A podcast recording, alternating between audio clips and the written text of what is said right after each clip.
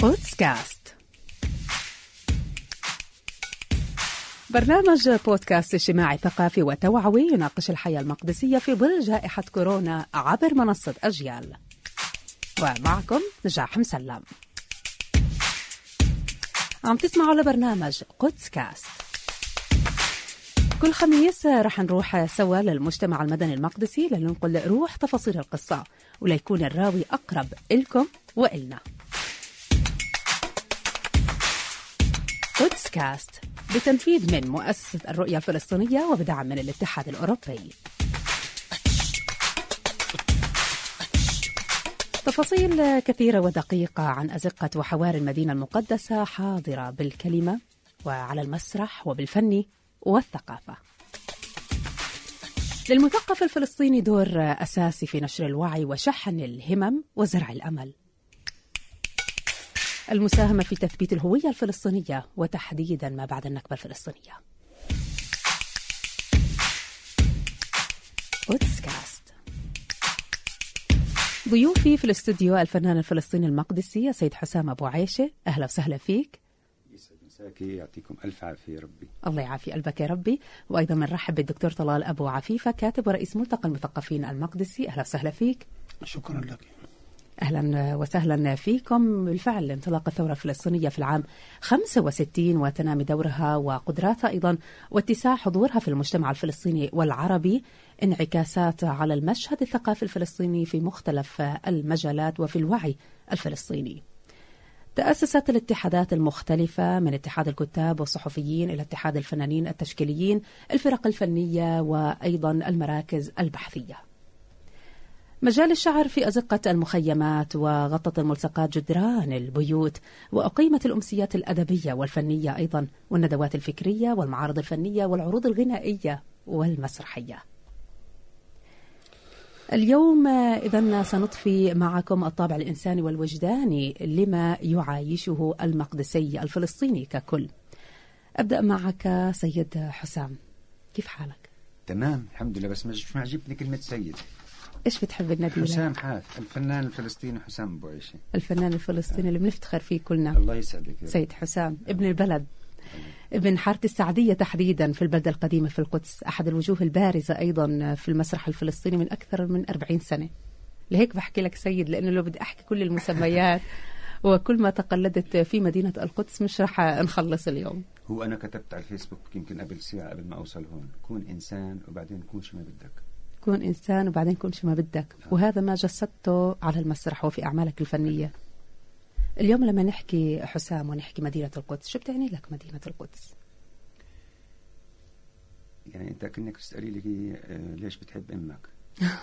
صح. سؤال سخيف. مم. لما واحد بيسأل واحد ليش بتحب أمك؟ صح. هو سطحي ولكن بتفاصيله فيش سبب عميق. وفي 100 مليون سبب. أنا عميق. جلدي ولحمي بحسه من حيطان السور. لما أنا بقول عن جد لما بكون داخل من باب الزهره من باب العمود وسرحان بحس الباب بيقول لي وين يا حسام؟ بتمسيش مالنا هاي العلاقة صعب نشرحها بالكلمات لأنك بتحسيها إحساس. ما كتبه محمود درويش ما كتبه البرغوثي ما كتبوه الشعراء الأدباء ما كتب من مسرحيات. صعب. تعرفي مرات أنا بقعد على باب العمود بشرب فنجان قهوة مش عشان أشوف الباب. كل يوم بشوفه بس عشان أشوف ردة فعل الناس اللي بتيجي بتوقف باب العمود بعد 20 سنة أو بعد 15 أو بعد خمس سنين بوقف هيك. ومش مصدق إنه هو موجود هون. آه هذا ال- السر اللي موجود في القدس سميه ما بتسميه. آه مصر الأنبياء الشعراء أولياء الله الأنبياء الرسل آه، الفن التشكيلة الفسيفساء الفسيفساء الشعبية الموجودة في القدس. هل تتخيل أنه في قبطي وأرمني ومغربي وبخاري وطشقندي وأزبكي وإفريقي وعربي ونوري في القدس كله في داخل القدس وعايش. يعني القدس تطغى على ساكنها ولا يطغى عليها. بتفوتي أنت على طول بتدوبي زي حبة السكر في الشاي تعرف ليش سألتك هالسؤال؟ لأنه فعلا إنك معجون عجن في مدينة القدس. هالعجنة هاي من طفولتك أخرجت لكل المقدسيين لكل الفلسطينيين مسرح المسرح الشعبي والمسرح السنابل في القدس. أنت كنت من مؤسسي مسرح الشعبي ومسرح السنابل في القدس. صحيح. هل بالفعل لمست هذه العجنة في الشباب والصبايا اللي أخذت بإيدهم في ذلك الحين؟ يعني اليوم أنا في محل عم بعلم دراما. صحيح. واللي بيعلمهم دراما سكان القدس لأنه أهل الضفة بيقدروش يوجعوا القدس. أو أنا بروح بعمل في العزرية في جامعة القدس وبعمل في مدرسة دار الأيتام بالعزرية. ولكن بما أنه موجودين بالقدس إحنا أول موضوع بتركز عليه بدك تحكي احكي لي عن حارتك عن باب الدار والدرجات وستك ومرت عمك وخالك والدكنجي. ومن هون ابدأ. لم لا يمكن أن تصل إلى العالمية إن لم توغل في المحلية. صحيح. معظم أفلام الأوسكار والمسرحيات اللي بتنول جائزات تتناول موضوع إما شخصي خاص جدا وإما محلي خاص جدا موجود زيه بتلاقيه في كل العالم. المعاناة موجودة في كل العالم المقاومة موجودة في كل العالم الاحتلال موجود ومقاومة الاحتلال موجودة. بس هاي التفاصيل والقصص وال... هون خصوصية القدس هون خصوصية القدس. لما بنحكي مع الطلاب ما بقولوش حب القدس هو ابن القدس ولكن بخليه يرجع لهذه كل كل اللي حكيناه ولا البشر. قداسة القدس ليس فقط المسجد الأقصى المبارك وكنيسة القيامة. قداسة الحجر من من قداسة البشر اللي بنى الصخرة إنسان واللي بنى كنيسة القيامة إنسان. فبالتالي لا يمكن فصل الحجر عن الشجر اللي بشك عن البشر اللي بشكلوا هم هدول الحاضنة اللي بنحكي عنها.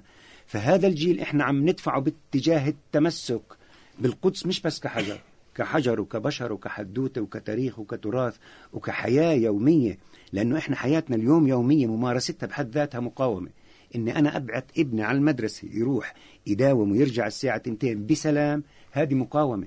لما ابني بيطلع عمره خمس سنين وبشوف ولد ابن مستوطن عمره خمس سنين محاط بأربع جنود ابني بصير يسأل طب ليش هذا معه أربعة؟ كمان الطفل اليهودي بيسأل ليش في أنا أربع جنود حوالي؟ فأنت عم بتعيشي تشكيلة من الحياة غير موجودة في كل أنحاء العالم. بتاتا. علشان هيك الطاقة اللي بدك تاخديها يجب أن تكون يعني وجبة دسمة تمكنك من الثبات النفسي والاجتماعي والسياسي والتربوي واللي بدك إياه في صح. الأصل كل واحد فينا شو عايش. خلينا أروح كمان لضيفنا دك- الدكتور طلال أبو عفيف الكاتب ورئيس ملتقى المثقفين المقدسي. بدي أرجع أنا وياك لعمر ال 12 سنة. ما بين ال 1961 وال 64 هات أنعش لك الذاكرة كمان. آه، كنت تمشي حوالي 2 كيلومتر عشان تبيع صحيفة فلسطين مزبوط صحيح. لأنه أنا طفولتي بدأت وأنا عمري ثلاث سنوات في مدينة القدس. درست الابتدائية والإعدادية في مدينة القدس. وبلشت أعتمد على نفسي وأنا عمري ثمان سنوات. أبيع جريدة فلسطين. بعدما بدأت الدراسة من مدارس حارة الشرف إلى مدرسة القدس الإعدادية في شارع صلاح الدين حيث كان الصف الأول والثاني والثالث في مدارس حارة الشرف. والصف الرابع حتى الثالث إعدادي في القدس الإعدادية في شارع صلاح الدين وهي مدرسة تم إزالتها في 66 لبناء بناء آه لعائلة إتسيبة. فكنت أنطلق من حارة الشرف إلى مدرسة القدس الإعدادية تقريبا 2 كيلو من حارة الشرف. إلى شارع سوق العطارين إلى باب خان الزيت إلى باب العمود إلى باب الزهرة إلى شارع صلاح الدين. يوميا وأعود بنفس الشارع وبنفس الوقت كما ذكرت لك كنت أبيع جريدة فلسطين الذي كان وكيلها في ذلك الوقت أبو إبراهيم شبانه. حيث كان سعر الجريدة بذلك الوقت قرشان. وكانت الصحف التي تصدر في القدس هي فلسطين والجهاد والدفاع وهي صحف توزع في كل المملكة في الضفة الغربية وفي الضفة الشرقية. وكنا عندما نبيع هذه الصحيفة بقرشان يكون لنا نصف قرش حتى نستطيع أن نصرف على أنفسنا في المدرسة وبنفس الوقت يتاح لنا لحضور فيلم سينمائي هون السر. إنه ليه كنت تحوش هال- في هالقروش ذلك هاي؟ خاصة كنا أطفال. كان في ثلاث ثلاث دور سينما صحيح, في حينه صحيح كان في سينما القدس وسينما النزهة والسينما الحمراء. الحمراء. وكانت هذه دور السينما تعرض أفلامها بشكل عام في الشوارع. وخاصة في منطقة باب العمود فنحن أطفال يوم كنا نشوف فيلم لهرقل أو ماجستي أو فريد شوقي أو محمود المليجي. طبعا هذا كان شيء يعني مغري والروح فالقدس تاريخ حضارة طفولة تاريخ لا ينسى حتى لو ابتعدنا عن القدس. فالقدس تعيش فينا ولا نعيش فيها. صحيح. بدي أرجع لك آه، سيد حسام يعني لما نحكي بالفعل إنه القدس فنان حسام. بالفعل لما نحكي إنه القدس تعيش فينا انضميت للمسرح الوطني الفلسطيني آه، ال 1976 1976 وانتخبت آه، رئيس لنقابة الفنانين عام 91 ما بين 76 لعام 91 ما هي البصمة فعليا اللي تركتها؟ الفنية واللي تركتها فيك أيضا لأنه هي فعلا القدس تعيش فينا. يعني أنا بقدر أجاوبك إيش تركت فيي بس إيش آه. تركت في الآخرين؟ اسأليهم هم. آه. شو تركت فيك؟ يعني أنا بقدرش أقول إني ربيت وعلمت وسويت وعملت يعني آه، بقدر أقول أنا قمت بالواجب اللي أملاه علي واجبي الوطني والفني. يعني أنا بقدر أخدم القضية الفلسطينية من خلال فني. أنا ب 76 زلمة كنت هاوي يعني. بقلد. معروف إني بطلع على المسرح أقلد ممثلين. أول مرة وقفت على المسرح 13 10 1969 كان عمري 10 سنوات في مدرسة خولة بنت الأزور جنب دار الطفل العربي. وحاطط رأس قلب إيدي وطاقية أبو عنتر ومكتوب عليها باطل. من خلال زي ما تفضل الدكتور اللي كنا نشوفه على شاشات التلفزيون. حمام الهنا وفطوم وغيراته. فكنت أقلد غوار وهدولي ذهلت إنه الناس طول الوقت بتسقف لي. أعطوني سبع دقائق عمرك عشر سنين وتوقف على مسرح سبع دقائق وصارت الفكرة في راسي وفي هاي موضوع الموهبة يجب أن يحكى عنها يعني. لما أنت ما عندك- ما عندكش موهبة شوف لك شغلة تانية لا هذه قصة تانية هاي لازم. نحكي فيها خاصة في المجال الإبداعي بنحكي آه. إحنا بنحكي في مجال الابداع يجب أن يكون في عندك موهبة من الله نقطة من الله بحطها فيك عليك أنت أنت بيعطيك نقرة هالجوهرة دراسة الدبوس عليك أنت إنك تبردها وتلمعها وتسويها وتطلعها. في الستة وسبعين كان في في مدرسة القادسية في شارع القادسية اللي بروح على المسجد الأقصى المبارك كان في نادي تحت مدرسة القادسية اللي هي كانت مدرسة خليل السكاكيني. آه، محل بتدربوا فيه ملاكمة بيسمنت عتمة ورطوبة. آه. بعد ما يروحوا الملاكمين يجوا الفنانين على ريحة عرق الملاكمين يتدربوا على المسرحيات. محمد الأباني محمد الظاهر سمير سمير الأباني فهمي الششتاوي علي الحجاوي حسام أبو عيشة أحمد أبو سلعوم مجموعة هاويين مسرح وهيك كذا بنسوي وعملنا أول مسرحية 76 77 طلعت اللي هي عند اللزوم. كانت بتحكي في الموضوعات اللي تفضل فيها الدكتور. فلسطين بالسبعة بعد السبعة وستين كل ما أنتج بعديها كان كرد فعل على الاحتلال. المرأة الشباب الرياضة الصحافة الفنون. بدنا ندافع عن حالنا عن أنفسنا إحنا. ما شفنا إلا الاحتلال دخل على فلسطين يعني. فكل الأدوات كانت هيك. ومن الستة وسبعين مشينا شوي شوي بلشنا نكتشف إنه هاي الموهبة ممكن تتطور. 77 78 79 لحد الأول لحد آخر 79 حتى الخلاف لما كان يصير بين الفرقة مش على مصاري. ولا على سرقوا الدي جي ولا على كذا على انت هون عم تحكيها بحسرة على لأن موضوع المشهد سياسي اختلف اليوم. على موضوع سياسي انشقت الفرقة فرقتين. ضل المسرح فرقة المسرح الفلسطيني إحنا عملنا المسرح الشعبي سنابل. وكملنا. بعديها أنا سجنت وعملت مسرحيات في السجن ولما طلعت كملت بال بالمسرح لل يعني طول الفترة اللي لحد اليوم. مم. بس إحنا بنحكي عن بنحكي هلأ قاعدين نظري. هذا لما تاكليه انت على جلدك ولحمك موضوع بده رواية لحاله. لأنه صح. إحنا ما في حدا يقول لنا يعني إنه خود إنتج وخود كذا وسوي واعمل مسرحيات وكذا. كله من بيوتنا من أموالنا من شو أموالنا يعني. إحنا مش مليونيرية كمان. يعني من بيوتنا يعني أنا بقدر أجيب عفش أجيب فستان أمي أجيب أراجيل أبوي. كله يروح ما يرجعش طبعا يعني. بعدين بتقلها تلاقي ناس تآمن فيكي. يعني أول poster انعمل لنا لفرقة سنابل آه، برعاية مطعم أبو حسن ال poster. عارف كيف؟ وهدولاك يجوا لك خود اعملوا هاي سوي هذيك. تلاقيت إنه الناس بتتقبلك لأنه مآمنة فيك. فصار في حاضنة مجتمعية للمسرح اللي ما كناش بحاجة للتمويل فيها يعني. صح. عشان هيك مشيت الأمور يعني. إلى أن دخلت ال NGOs تأكل سكر ولوز. تاكل سكر ولوز. آه. هو بالفعل يعني كانت ال- ال- الانقسام اللي بينكم كان على خلفيات سياسية. حكيت لك في المسرح الشعبي وبعدين مسرح السنابل. ولكن اليوم آه، بنحكي المشهد الثقافي الفلسطيني. المسرح ككل مكانته اختلفت ولا لا؟ اولا الفرق المسرحية اللي كانت موجودة كلها كانت طوعية. مم. يعني بذكر الدكتور طلال في الستينات في السبعينات والثمانينات.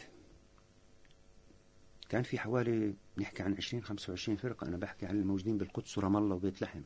يعني اللي كلها تشتغل كلها تشتغل كلها ت... كلهم طوعيين. ما في حدا بياخذ فلوس من وراء الموضوع. إنما في حالة تنافسية عن إيش قدمنا اليوم ب- فيما يخص فلسطين. ونعرض ونلقى ونلقى قبول من عند الناس ونلقى قبول من عند ال- المدارس والجمعيات والمؤسسات والكليات اللي نروح نعرض لها يعني. بعدين آه، السيارة بدها بنزين. يعني أوكي أنا يعني عزابي كعكة وبكيت دخان وخلص بديش إشي يعني.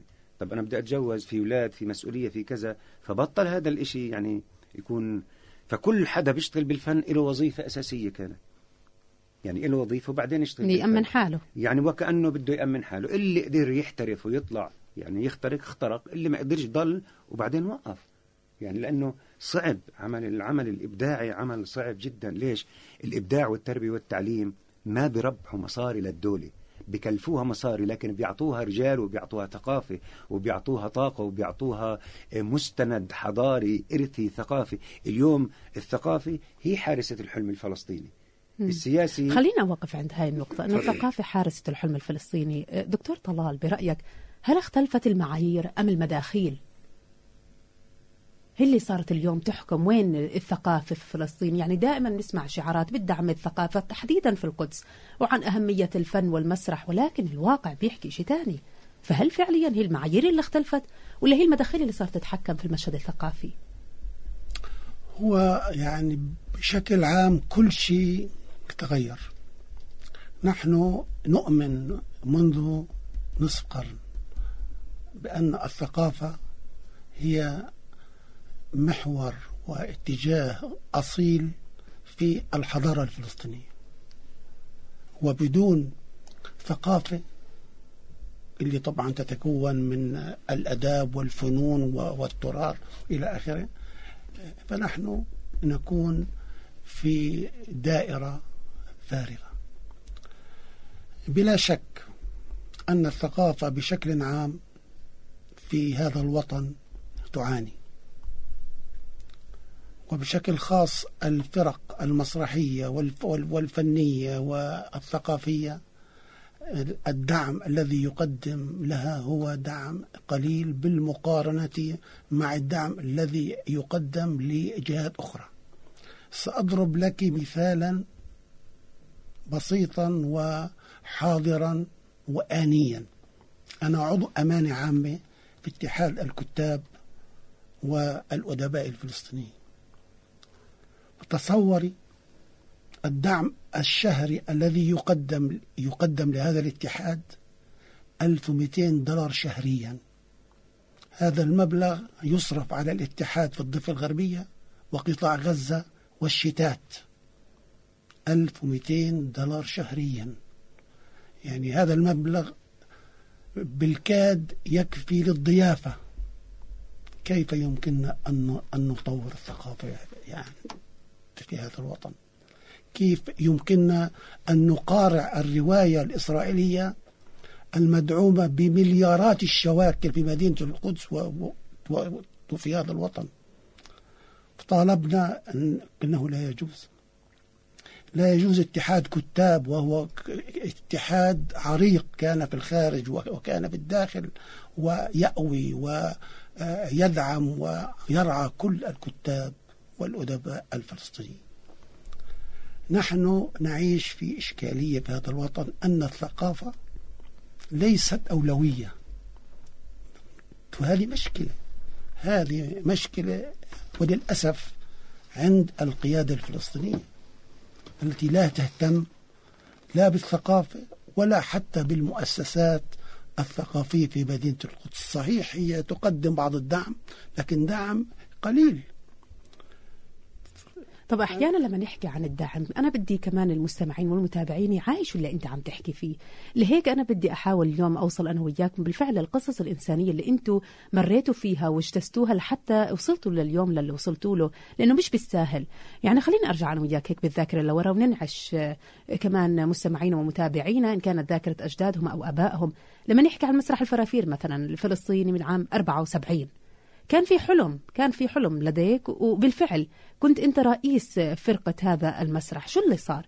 احكينا عن المسرح ككل نفهم منك شو كان يقدم المسرح شو القضايا اللي كنتوا تتناولوها؟ يعني, يعني باختصار ربما اللي شجعني على أهمية المسرح هو عام 72 73 74 بلا 86 عندما كنت أشاهد مسرحيات المسرح الوطني الفلسطيني في مسرح الحكواتي القدس. وكانت كلها مسرحيات وطنية هادفة. مم.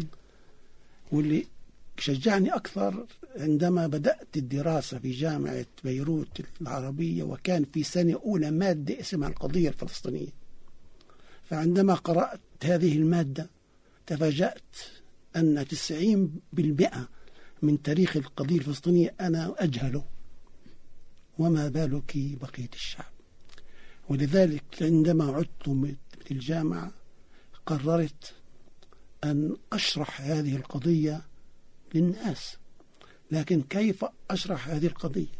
ففورا تبادر إلى ذهني بعمل قصة القضية الفلسطينية إلى مسرحية. وفعلا شكلت فرقة اسمها فرقة الفرافير الفلسطيني. وكلمة الفرافير جمع فر والفر هو العصفور أو الطائر الفلسطيني المشهور بالقفز والهروب من الصياد. وعملنا مسرحية اسمها مطعم العم دياب. تشرح القضية الفلسطينية بال 75 هذه بال 75 بقالب كوميدي من 1897 اللي هو من مؤتمر بازل الصهيوني الأول. الذي عقد في سويسرا حتى عام 73 مطعم العم دياب المطعم هو فلسطين والعم دياب هو الشعب الفلسطيني وكانت مسرحية ناجحة عرضناها في المدرسة العمرية. وكان بقالب كوميدي لكن الناس يعني آه، وصلنا الهدف شو هي القضية الفلسطينية شو تاريخها شو جذورها شو المطلوب؟ شو المطلوب حتى نخلص من آه، يعني هذا الاحتلال؟ شو المطلوب هو المطلوب هو الناس يعني يجب أن تعي الواقع الحاضر تبعها أن هناك احتلال وهذا احتلال لا يمكن اجتثاثه إلا بالعمل بالنضال وبمقاومة هذا المحتل لأنه كان في البداية وللأسف من السبعة وستين حتى السبعينات. كان هناك آه، غزل احتلالي لسكان القدس والضفة الغربية وكان هناك تقديم جوائز وعمل وأموال. فكان معظم الشعب ملتهي بالعمل وبالجمع المال. ولذلك كان يجب قرع الجرس لهؤلاء الناس. هذا احتلال. في البداية ربما يعطيك العسل لكن في النهاية كذا. بعدها طبعا آه، بدأنا بالمسرح. بال 76 عملنا مسرحية اسمها الطرشان. بنحكي فيها عن, عن الأرض وأهمية الأرض. في ال 77 عملنا مسرحية لمن نصفق. حكينا فيها عن الواقع العربي المر وخاصة اللي اللي صار في مجازر كصبرا شاتيلا في ال 78 عملنا عائد إلى حيفا لكن الاحتلال منعها. في ال 79 عملنا آه، مسرحية حفلة سمر من أجل خمس حزيران للكاتب السوري سعد الله والنوس اللي بيحكي اللي بيحكي فيها عن حرب ال 67 في ال 80 عملنا مسرحية الغبار اللي بتحكي فيها عن بعض الانتقادات لمنظمة التحرير في ذلك الوقت. في ال 83 عملنا مسرحية اسمها مختار المخاتير نحكي فيها عن روابط القرى. ونبهنا الناس لخطورة هذه الروابط. وفي ال 85 كانت آخر مسرحية لي اللي بحكي فيها عن آه، عنوانها كان 17 حزيران 1930 اللي بنحكي فيها عن ثورة ال 29 وإعدام الثلاثة في 17 آه، حزيران سنة 30 اللي هم الشهداء محمد جمجوم وفؤاد حجازي وعطزي بعدها صراحة توقفت أنا لانشغالي في أمور أخرى لكن هناك بعض الفنانين في القدس صراحة استمروا وما زالوا حتى اليوم ومنهم الأخ حسام أبو عيش وأحمد أبو سلام طبعا. بدي أرجع لك فنان حسام. يعني لما نحكي عن كيف إنه هاي القصص وهاي القضايا هي هي نصوص المسرحية بالأساس. خليني أروح لمسرحية قهوة زعترة. يعني هذه مأخوذة من مقهى كان الوالد هو اللي يرتاد هذا المقهى وجزء كبير منها ما سمعت منه من قصص وحكايات. وقدرت إنك توصل هذه الحكايات من خلال 21 شخصية جسدها من خلال المونودراما.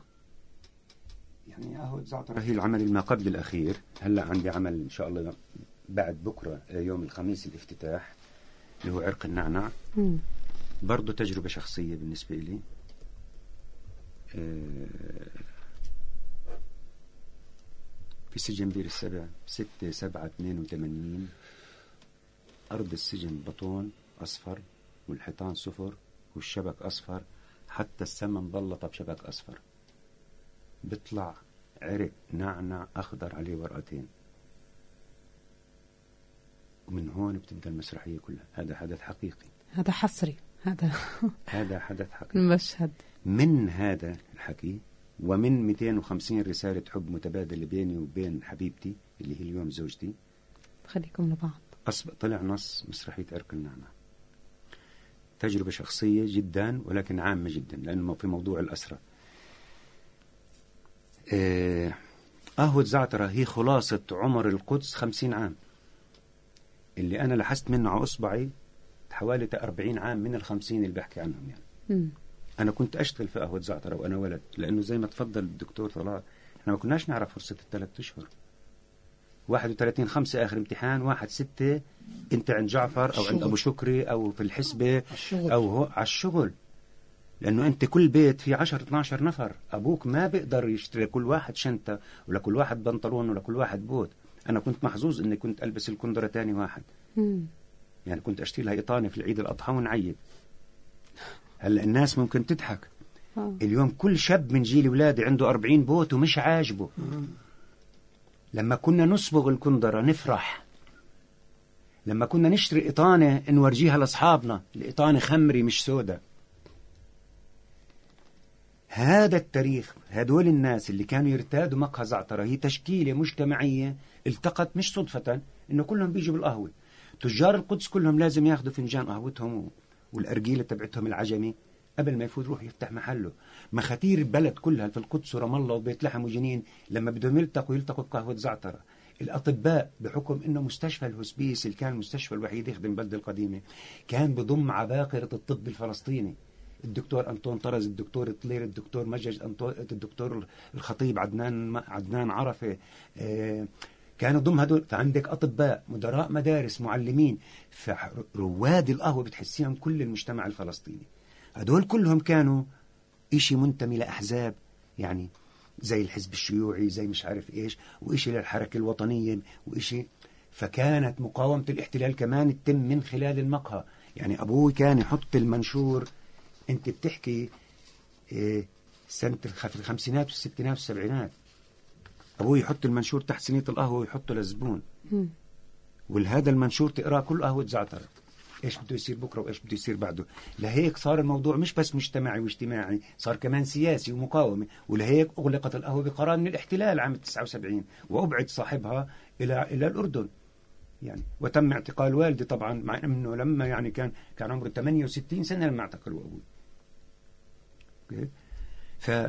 القهوة زعترة هي نتيجة ه- هذه الخلاصة اللي بنحكي فيها إحنا. القدس شو بتعني يعني؟ ليش قهوة زعترة؟ لأنه أنا وجدت أنه كتير من مصوغات ال- اللي موجودة في قهوة زعترة كثير من المسلكيات والأنماط المجتمعية والثقافية والتربوية والأخلاقية وحتى الدينية اختلفت مش هي. إحنا فقدناها بفعلنا أكثر ما هو فعل الاحتلال. شو بمنع التضامن الفلسطيني؟ طب هات نستحضر مشهد من هالمشاهد من قهوة زعترة؟ الدكتور أنطون طرزي كان يسموه النطاسي البارع. أنا بعرف شو نطاسي ولا شو بارع بس هيك كانوا يكتبوا له في الجريدة إنه نشكر النطاسي البارع الدكتور أنطون طرزي لأنه عمل عملية دماغ. كان واحد من أهم ثلاث أطباء. بقعد في قهوة زعتر على كرسي له ظهر لأنه هو دكتور بيقعدش على كرسي قش. يلبس بدلة زرقاء وقميص أبيض بدون جرافي وكندرته ملمعة حقنة شو حقنة؟ هذا مصطلح مقدسي. الحقنة يعني بتكتك على كل إشي. مش بس هو حقنة كمان زكريا القاعد على كرسي قش. زكريا بيشتغل مسلك مجاري. إحنا بنسميه باللهجة الشعبية المقدسية خررجي. لأنه كانت بتسد المجاري صح. كلها. آه. فزكريا كان مش تخصص مجاري البلدة القديمة كان تخصص العائلات اللي بتقعد في قهوة زعترة. يعني هاي كلاس. حتى السيخ تبعه اللي بسلك فيه المجاري كان ملفوف بشبر أبيض. فهو قاعد قبال الدكتور أنطون طرزي. لما صالح أبوي اللي بيخدم التنين بيقدم لهم اراجيل بحط الفحم على ارجيله زكريا زكريا بقول له يا صالح خلي أنطوني يفحص لي راسي. يا زلمة 75 25 سنة بشتغل بالخرا حاسس راسي خرارة. يا زلمة يخرب بيتك بهالالفاظ أنت. بدي أروح أحكي للدكتور هيك؟ بحياة رحبة محبوبة. اللي هي أمي. إنك تقول له. أبوي بيجيب الفحم بده يحطها على أرجيلة الدكتور أنطون طرزي. بقول له شوفوا لزكريا افحصوا جنني. فالدكتور أنطون طرزي بيسحب الأرجيلة. أنا افحص هذا أنت عارف قديش الكشفية يا صالح؟ بقول له لا والله بعرفش قديش الك... ليرتين ونص يا صالح. فأبوي بيروح لزكريا بقول له ولا زكريا وجع راسك أرخص لك. طلبت ليرتين ونص. ولا ولا ولا عليهاش ليرتين النص دول بتسلك فيهم 20 مجرى أنا. بقول له "إيش أنا اللي طلبت؟ هو اللي طلب. بدور في جيبه زكريا بلاقي 170 قرش. أبوي بكمل ال 90 وبياخد بياخد زكريا على عيادة أنطون طرزي بشعفاط بيكشف عليه نص ساعة وبيخلع منه الليرتين ونص. هديك السنة بتيجي شتوى من الله على القدس عمره ما صارت وبتغرق البيوت كلها من ضمن البيوت اللي بتغرق بالمية بيت الدكتور أنطون طرزي. صار بحاجة لزكريا. صار بحاجة لزكريا صح؟ شو بده يخليه يجيب زكريا الساعة 12 بالليل؟ إذا حارة السعدية كلها كان فيها ثلاث تليفونات الحج أحمد الماجد وأبو علي النتشي وصادق نظيف. أقرب واحد لبيتنا صادق نظيف بتصل عليه المهم أبوي بياخذ زكريا والساعة واحدة بالليل بتاكسي طلب على شعفات. بيطلعوا بلاقوا الدكتور أنطون طرزي واقف على الطاولة الإنجليزية ورافع البجامة التيجال والسجاد الإيراني بيسبح في المي. خرا يا زكريا خرا شوف السجاد الإيراني. بيشوف زكريا أنطون طرزي بقول له أنطون أجاك الموت يا تارك الصلاة. هلأ مش وقت فلسفتك اطلع سلك لي إياها. بيطلعوا على الدرجات على السطوح بنص الدرج بوقف زكريا بقول له أبوي والله ما بسلك له مجرى إلا يطعميني من الغريبة أم الفستق الحلوي اللي كان كل يوم يأكلها قبل ما يشرب القهوة وإحنا قاعدين فيها. أبوي بطلعه فوق زكريا كخبير بيعمل سكانر للسطوح بيعرف ما مسح بقلب الماسوره بدها الشطاره بطول السلك من الشاشة البيضاء بسحب الماء. يسلم إيديك يا زكريا قديش بدك؟ ليرتين ونص. رد له إياها. 170 قرش لي وال90 تاع صالح بقول له عايز ليرتين ونص ما أنت قلت بتسلك فيهم مجاري. هدول مجاري الدكتور أنطون طرزي مش مسخرة. طيب طيب خذ يا زكريا. الدكتور زكريا لو سمحت. كل واحد دكتور باختصاصه. أنت دكتور مجاري دماغ وأنا دكتور مجاري آه، كيف بالفعل يعني؟ ما شاء الله عليك عن جد دائما متعنا يعني منذ الطفولة حتى. أمشي أكبرك يعني لأنه فعلا من وإحنا أطفال وإحنا بنعايش هاي القصص. كيف كل هاي التفاصيل البسيطة هي اللي بتحكي فعلا الحكاية المقدسية الحكاية الفلسطينية؟ بحاجة إحنا بحاجة اليوم لأنه نسمعها. في نقطة جدا مهمة ذكرتها كمان دكتور طلال إنه ال- المشهد كله اختلف. اليوم أنت بتحكي عن تمويل يعني أنا بدي أحكي شغلة أنت حكيت لنا اياها تحت الهواء. يعني أنت اليوم عم تشتغل على مسرحية بس العائق الوحيد عندك اللي هو التمويل ببساطة. يعني اليوم لو بدي أحكي أنا فعلا عن دور ال- ال- المسرح بالتحديد مش بس دور الثقافة عن دور المسرح بإنه ينقل هالتفاصيل هاي اللي إحنا بحاجة ان نسمعها. الأفلام بنشوف في أفلام أجنبية بتحكي قصص عاطفية كل المضمون اختلف. بس إحنا اليوم بحاجة للمسرح الفلسطيني له نكهته مش بس بالكتب. كل الاحترام للكتاب والباحثين واللي هن نفسهم عم بيعانوا اليوم إنه حدا آه، ينشر لهم. بيهتموا في المضمون شو بتناولوا. من مكانتك؟ هل فعلا في اهتمام؟ يعني هل الموضوع مش بس الموضوع أقصد أنه أنا بحاجة لممول ولكن هل فعلا في اهتمام أنه يتم تبني الرواية الفلسطينية إن كانت ستطرح في المسرح أو في الكتب؟ من مكانتك؟ يعني من خلال اطلاعي على وكونك عضو في الأمانة عشرات. الروايات التي تكتب وتطبع وتنشر في القدس وفي رام الله وفي الضفة الغربية. عشرات الروايات في السنة الواحدة. لكن وكل رواية لها قصة في الوضع الفلسطيني في الحارة في المدينة في المخيم. لكن وللأسف هذه الروايات تظل مطبوعة داخل الكتب.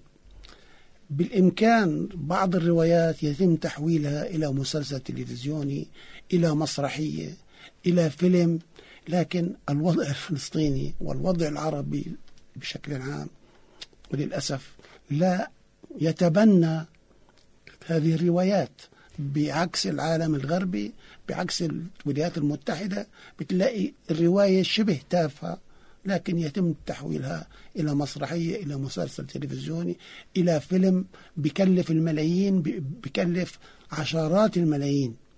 نحن بحاجة يعني في, يعني في هذا الوطن إلى جهة إلى الإنتاج. طب أنا بدي أحكي عن تجربتك أنت الشخصية عشان أنا بحب أبعد عن العموم. مسرحية ثلاثة رجال. هي بالأساس 1985 وبعدين قمت بتطويرها بما يتلائم أيضا مع ما نمر به من جائحة كورونا وما إلى ذلك. شو المشكلة؟ شو اللي صار؟ ليش اليوم إحنا ما عم نشهد مسرحية ثلاثة رجال؟ هذه المشكلة. بنسختها الجديدة. يعني هذه المشكلة إنه هذه المسرحية يعني ممكن في حالة تمثيلها على أرض الواقع تأخذ ساعتين وأنا متأكد لو هذه المسرحية تم تم إنتاجها وتمثيلها من أي فرقة مسرحية ربما هذه المسرحية ستعرض مئات المرات في الضفة الغربية وفي الخارج. هي بتحكي القضية الفلسطينية صحيح؟ عشان نوضح للمستمعين نعم كمان هي مسرحية كما ذكرت لك. حكيت لنا تحت الهواء تتحدث عن ثورة البراق عام 1929 وهي ثورة مشهورة في التاريخ الفلسطيني حيث انطلقت هذه الثورة بسبب قيام بعض اليهود المتدينين في شهر آب سنة 29 بوضع عريشة جنب حائط البراق ووضع طاولة وبدأوا يصلون جنب الحائط حيث هنا ابتدأت الانتفاضة في القدس وفي كل أنحاء المدن الفلسطينية واستشهد خلال أسبوعين من ذلك في ذلك الوقت حوالي 160 فلسطيني وقتل أكثر من 250 يهودي ولولا تدخل السلطات البريطانية لحماية اليهود في مدينة القدس وفي مدينة الخليل وفي مدينة حيفا لكان الأمر يختلف. حيث تم اعتقال مئات المناضلين ومنهم محمد جمجوم وعطى الزير وفؤاد حجازي. فؤاد حجازي وعطى الزير اعتقلوا في مدينة الخليل حيث تم اتهام عطى الزير لأنه كان يعمل لحام بأنه قتل لوحده أكثر من خمسين يهودي في مدينة الخليل وفي البلطة. وتم اعتقالهم وإعدامهم يوم 17 حزيران 1930 وكان في ذلك اليوم هبة شعبية في كل الوطن. هذه المسرحية في فصلها الأول مع بعض التاريخ في ذلك الوقت أما الفصل الثاني فهو خيالي حيث يعود الشهداء الثلاثة من قبورهم إلى الحياة ويتفاجؤون بالواقع الفلسطيني والعربي والدولي الذي حدث بعد استشهادهم وحتى اليوم. مسرحية درامية مسرحية تاريخية مسرحية تلقي الضوء على الوضع الفلسطيني المر على الوضع العربي على الوضع الدولي وما وصلت إليه القضية الفلسطينية حتى اليوم. لكن وللأسف عندما تعرض هذه المسرحية على الجهات الرسمية تقول هذه المسرحية يعني لا تتمشى مع الوضع اللي نحن فيه تحت الاحتلال وفي نتائج أوسلو. وعندما تعرض المسرحية على أي فرقة مسرحية أول ما بيكون الجواب لهم إنه هذه المسرحية بحاجة إلى تمويل. وتمويل ليس ألف دولار وألفين دولار وخمسة آلاف دولار. أقل شيء هذه مسرحية بدها تمويل لا يقل عن ثلاثين ألف دولار. هذا واقعنا. حتى العالم العربي يعني هناك في فرقة مسرحية في قطر ولي قريب يعمل طلب المسرحية يوم ما سمع عنها وديته المسرحية وقال سنعرضها فورا. فتفاجأت بعد سنة أنه تم عرض هذه المسرحية على الجهات الرسمية في قطر وتم رفضها. حتى في العالم العربي صح. ممنوع تتحدث عن المقاومة وعن الوضع الفلسطيني. نعم خليني كمان أنقل هذه هذا حالنا. أبو بيسان اليوم هل الفنان فعلا هو حر في انتقاء الكلمة؟ إن كان في نقلها على المسرح أنت اليوم مدرب وحكواتي وفنان. هل فعلا الفنان حر بانتقاء الكلمات ومضمون المسرحيات؟ بكل صراحة. الكلمات والمضامين شيء مختلف. مم.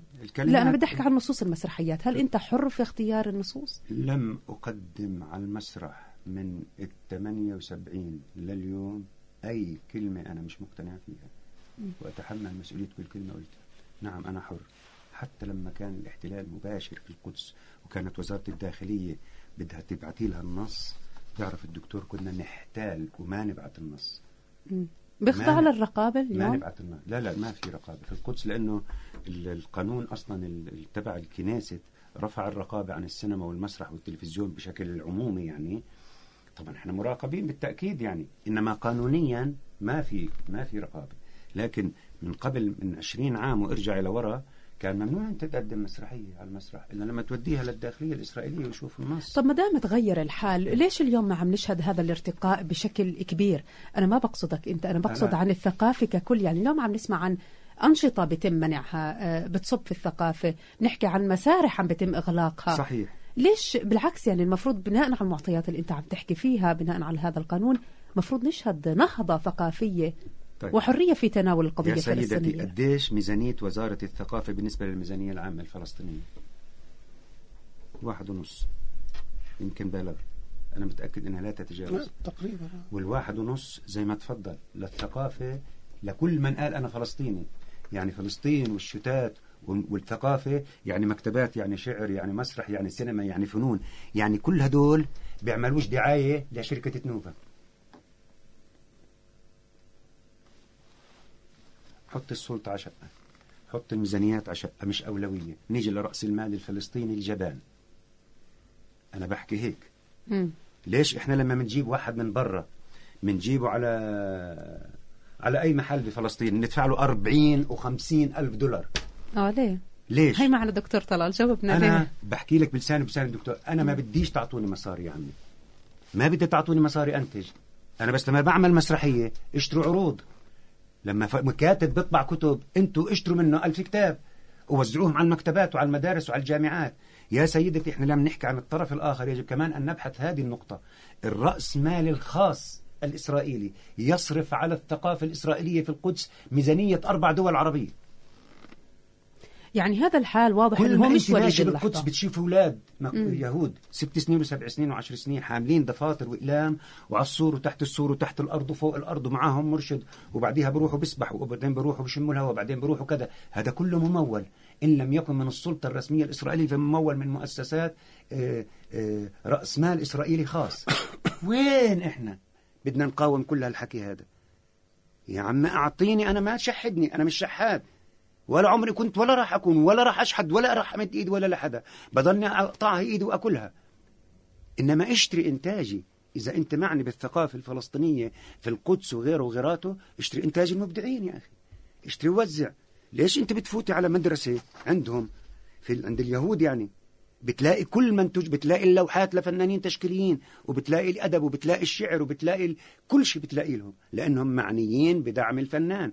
أنا ما عم بقارن مقارنة. أنا بحكي على صعيد كيف أنت العجلة الثقافية بتمشي كحاضنة كحاضنة للحلم الفلسطيني وكداعمة وكهي أساس وجودك. أنت من دون تراث اليوم الحمص والفول قاعدين بنحكي والتوب والكذا. لا اليوم قاعد بحكي لك لما أنت بتحكي قصة سيدك بقول لك هذا سيدي أنا مش سيدك أنت. صح. يعني كمان شوي بده يشككك إذا أبوك أبوك ولا أمك أمك. إذا إحنا مش مقتنعين بهذا الحكي نروح نروح. إذا إحنا بالفعل بنحكي إنه دور المثقف الفلسطيني مش بس المسرحي ولا الفنان في اختصاص معين هو دوره في نشر الوعي في شحن الهمم في زرع الأمل. بالتأكيد. اليوم دكتور طلال هل المثقف قادر على أنه يقوم بهاي المهمة على الرغم من كل هالتحديات والصعوبات اللي بتواجهه؟ لوحده لا طبعا. لأنه المثقف إذا كان عمل فردي كالأخ حسام مثلا يوم ما يعمل مسرحية يطلع لوحده ممكن ما تكلفه كثير بده ينطلق ويمشي أو كاتب بده يعمل رواية وبديش أقول لك سبعين بالمئة ممن يكتبون الروايات أو دواوين الشعر بيطبعوها على حسابهم الشخصي. تخيل مش على حساب الدولة أو, أو على حساب الحكومة. المفروض أنه كل هالروايات أو كل هالكتب تطبع من قبل اتحاد الكتاب وال- والأدباء الفلسطينيين. لكن هذا الاتحاد مدام ليس لديه ميزانية للطباعة كيف يمكن أن يقوم بذلك؟ إذا بنحكي إنه الثقافة في كل دولة يا سيدتي. بفروعها المختلفة من آداب وفنون وتراث. كل هذا اليوم بحاجة إلى تمويل. طب لحتى خاصة نحن تحت الاحتلال والإحتلال يدفع عشرات ملايين الشواكل لتمويل الثقا- الثقافة المزورة الاحتلالية في مدينة القدس.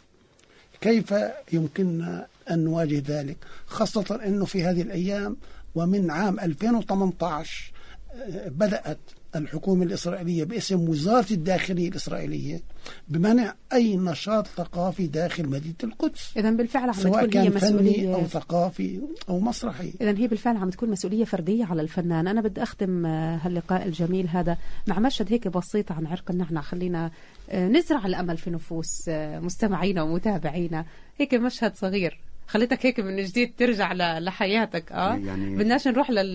للأمور السوداوية. لا لا لا بس من قهوة زعتر قصدك أنت. لا من المسرحية الجاية على خير. من عرق النعنع. عرق يعني- النعنع. يعني مسرحية عرق النعنع بتحكي عن السجن حقيقة. مم. إيه، عن فترة اعتقالية إيه، هيك مشهد فترة صغير. فترة الثمانينات اللي كانت يعني من الفترات هيك الصعبة إيه، جدا يعني سجون. بس كل الأيام بالسجن بتشبه بعض. يا لطيفة بحكي لمرتي أنا. ما عدا يوم الجمعة يوم المنسف العالمي. بتشتغل الأواكس. بتعرفوا الأواكس هذه الأمريكية اللي بتشوف الواحد هو ومرته بالتخت عندنا في السجن الأواكس تبعتنا زيها. هي عبارة عن أنبوب كولينوس بنفتحه من النص بنلمعه بصير شقفتين قصدير. بنلمعه اجرين التنتين. عندك مرايتين. واحدة بتتثبت على الباب من هون واحدة بتتثبت على الباب من هون وببدأ مراقبه الشرطة. راح الشرطي يكمل. شو كمل يعني؟ بيجي الأكل. طنجرة كبيرة فيها مرقه دجاج وصينية كبيرة فيها دجاج وثلاث صواني. ثلاث صواني فيهم رز والشباب عم بيتفت خبز بالبراميل. يوم المنسف العالمي هذا. على القطار بقول لي يا حسام تعال ساعدني نفتفت خبز. بقول له مش شايف إلا مرأة لحالها. شو بقول له؟ منسف تخوتوا علي. بقوم أبو أحمد الشرباتي بلم كاسات اللبن من الأسرى المرضى مرضى القلب والضغط والسكري بديرهم في طنجرة المرأة وحرك اللي بتحرك حرك اللي بتحرك. حرك يا رفيق حسام بلاش يفقس اللبن. بقول له ما فيش نار تحتي كيف بده يفقس اللبن. ناصر أبو خضير بجيب باكيتين زبدة بلزقهم في بعض. وليد جابر بجيب ثلاث رولات ورقة وليد. بلفوهم على باكيتات الزبدة. بلف بلف بلف بلفوا الزبدة بتمتصها ثلاث رولات الورق. عندك شمعة زي شمعات كنيسة القيامه بسحب خيط من البطانية بحطه فيها بدوهم بحطوها تحت طنجرة المي وحرك اللي بتحرك بصير عندك لبن. بنفرد المشمع بتفتفت عليه الخبز اللي بفتفت بنكفت الرز وفوقيه برتشوا في الجاج واجى اللبن بدروه فوق بعضيه. ما بضل من المنسف إلا الشرشة إلا المشمع اللي تحته. وزي ما انفرد كل شيء بنضب كل شيء. وبعد ما تخشي بتقلب الغرفة مدرسة كلية جامعة. شو ما بدك. شباب بتبدع. بيبدعوا بعيدان الكبريت بيبدعوا ببذر الزيتون. بالمعلقة. ما أجملك وما أجمل هالمشهد هذا. إذا عرق النعنع أنا كثير بتشكركم لوجودكم اليوم معي. الفنان الفلسطيني المقدسي حسام أبو عايشة والدكتور طلال أبو عفيف الكاتب ورئيس ملتقى المثقفين المقدسي. شكرا لكم. إذا بالفعل هذا هو شئنا أم أبينا.